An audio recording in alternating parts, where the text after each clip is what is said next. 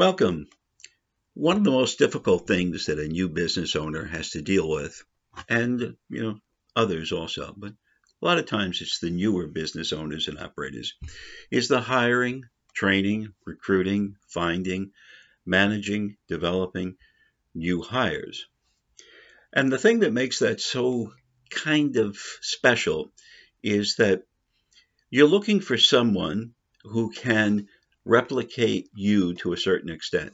You're looking for someone who has perhaps the same ideals that you have, the same vision that you may have, the same type of education, background, and all these other things. And it's difficult to find someone that fits like a glove or a shoe to what you may or may not be looking for. And that's where the problem comes in. When your expectations are here and reality is a lot lower or a little lower, that's where things become kind of blurry, messy, and they kind of explode. When you find someone that you believe is the person to help you run your business, you do so with a measure of insecurity, uh, especially in the new stages. For restaurateurs, it's hiring a waitress. They may not be experienced, but they may have the personality, and you believe the capability of handling customers in different situations and so forth. But the reality of life is this that nobody is built the same way. Nobody is identical to you. You and everyone else are truly unique to themselves which means you're not looking for you because you're the only you there is.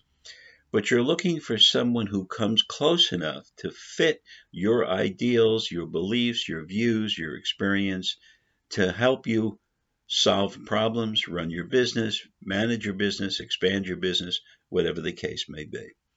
Sometimes it's a matter of trial and error, which is why some companies have, well, after 90 days, if it doesn't work out, goodbye and good luck, and nobody gets hurt.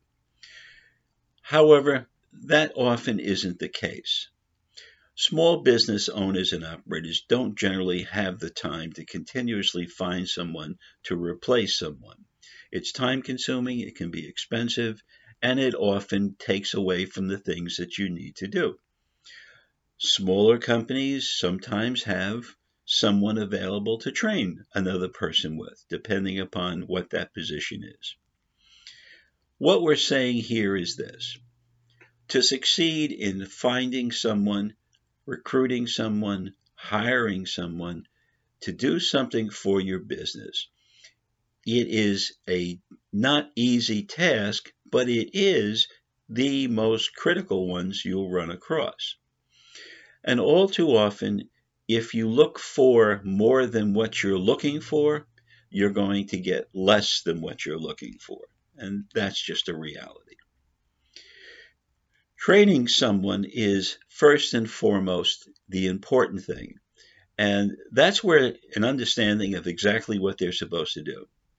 For small businesses, you know, today you're sweeping the floor, tomorrow you're washing the windows, and so forth. That's fine. But the thing is that some people may not encompass all of this. They may not feel that this is what they're looking for. Sometimes they feel the tasks are trivial. Sometimes they feel the tasks are overwhelming. Sometimes they feel they're being abused or overused and they're not compensated properly. You need to clear up a lot of things before you make that first step in offering someone a position by giving them a complete detail of what it is you expect them to do and is it within their capabilities to do it. Simple as all that. You'll really never know the true extent of that until somebody actually does something. But the truth of the matter is that if somebody has a clear understanding up front, sometimes in writing, which is probably the best thing to do. But all too often, that's where misunderstandings occur. I said to you, I need someone to do this in the morning and this in the afternoon. I need someone who's well rounded, who doesn't mind making deliveries, talking on the phone to the customers, solving problems, inputting stuff into the computers. These are the things that are important. But if you don't clarify that up front, that's where some of the problems come in. I wasn't hired to do this. I was told I was going to do this, and that's what I signed on for.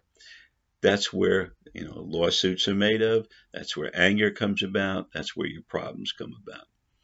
So the whole idea here is that we're not telling you how to do anything, just reminding you that communications in an early stage when you go to find, hire, recruit, train, manage, offer anyone a position in your company, whether it be sales, non sales, independent commission sales whatever the case may be.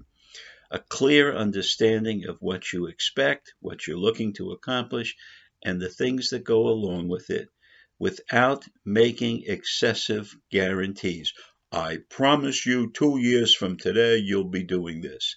Ain't going to happen. Because you have no idea what the future is going to be two years from today. You have no idea what the future is going to be five minutes from now. Because small business futures change every single day. So, this portion we have discussed some ideas of what other companies have faced over the years. Now, as far as training goes, you know, this is important. And it's not just training for a specific job, it's training to understand expectations. And how do you train to understand expectations? I'm hiring you, and this is your quota. And if you don't make your quota twice, you're fired. I've heard company CEOs, sales managers tell people that right up front. And in the morning, a lot of people don't show up. They don't like being threatened, and they know that it's a difficult job, and they're going to wind up losing money and wind up having to sue and all kinds of stuff. So, how do you train someone? Well, the first thing you do is you set up a clear path at understanding as to what you're expecting them to do. Then you give them a clear picture of what they are expected to return to you, to the business. And what does that mean? Well, here's what it means I'm hiring you to call our customers up and expand our products. And we have 15 products that we're interested in expanding and getting more exposure to to our clients. And we'd like to offer them a special discount price because they do business with us. Your job is to get on the phone and sell them these products or services, whatever the case may be. Remember, we've done business with them, and most of them like us. Sometimes you may run across someone who doesn't like us, and that happens too. But for the most part, they kind of like us. Okay, how would you do that?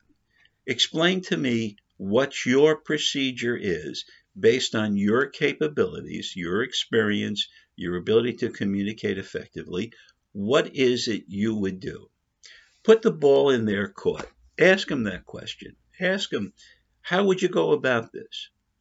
Well, first thing I would do is I'd like to get, you know, a picture of who the client is, what they do business with us with.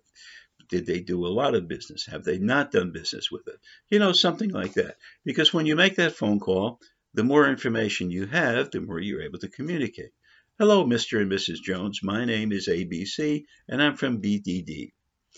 And I know you haven't done business with us for a while. We kind of feel bad about that. I hope you don't mind the call. We'd like to ask you if we can perhaps help you. We have some special items right now that you may not be aware of that may be beneficial to your firm. Uh, writing such as the heavy duty writing instruments or uh, stones that shine in the dark, whatever the case may be. Once you know some information about them, you're able to open up, hopefully, a door. And you can also ask them, you know, I know I notice we don't have your email address. I'd like to get that with your permission so we can continue to send you updates and communications about our products and services. Would that be all right too? Now, when you try to give someone too much up front, sometimes you burn them out. So if you're trying to give them a product or service, maybe you should stay away from trying to give them 15 or 20 products or services and just stay with one that you feel, based on the information that you have about them, would probably be beneficial.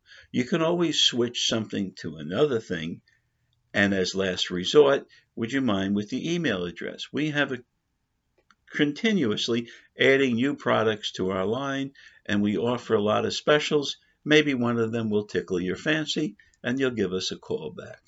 Is there anything that I may have missed that I can help you with at this time? Keep it short, keep it simple, keep it smart, keep it communicative. Don't try to control the conversation. You need to have them talk to you. We haven't done business for a while. Is everything okay? Is there anything we can help you with in our business right now that could help your business to grow? Talk with them. You never know. Well, money's tight right now. I understand. Is is do is there something that we can help you with from our product inventory that may be a little expensive? Maybe we can work out some terms for you. See, these are the things that make a difference when you are truly training someone for success. Some small businesses, their training is do what they do, do what they do, and you'll succeed. I can't do what he does or she does because I'm not he or she. I'm me. I have a different personality and a different approach. And who's to say your approach is better than mine or mine better than yours? No, it fits your personality. That's what you're trying to get across. You're not looking for a machine or a robot.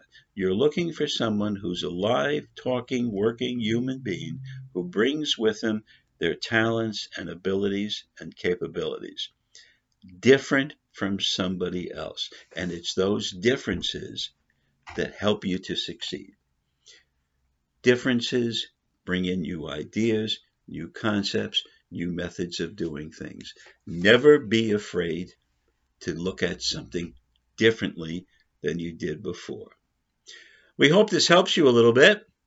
And if you have any questions that we can help you with, visit us at letsgetsocialnow.webnode.com. All lowercase let's get social now.webnode.com. Thanks a lot now.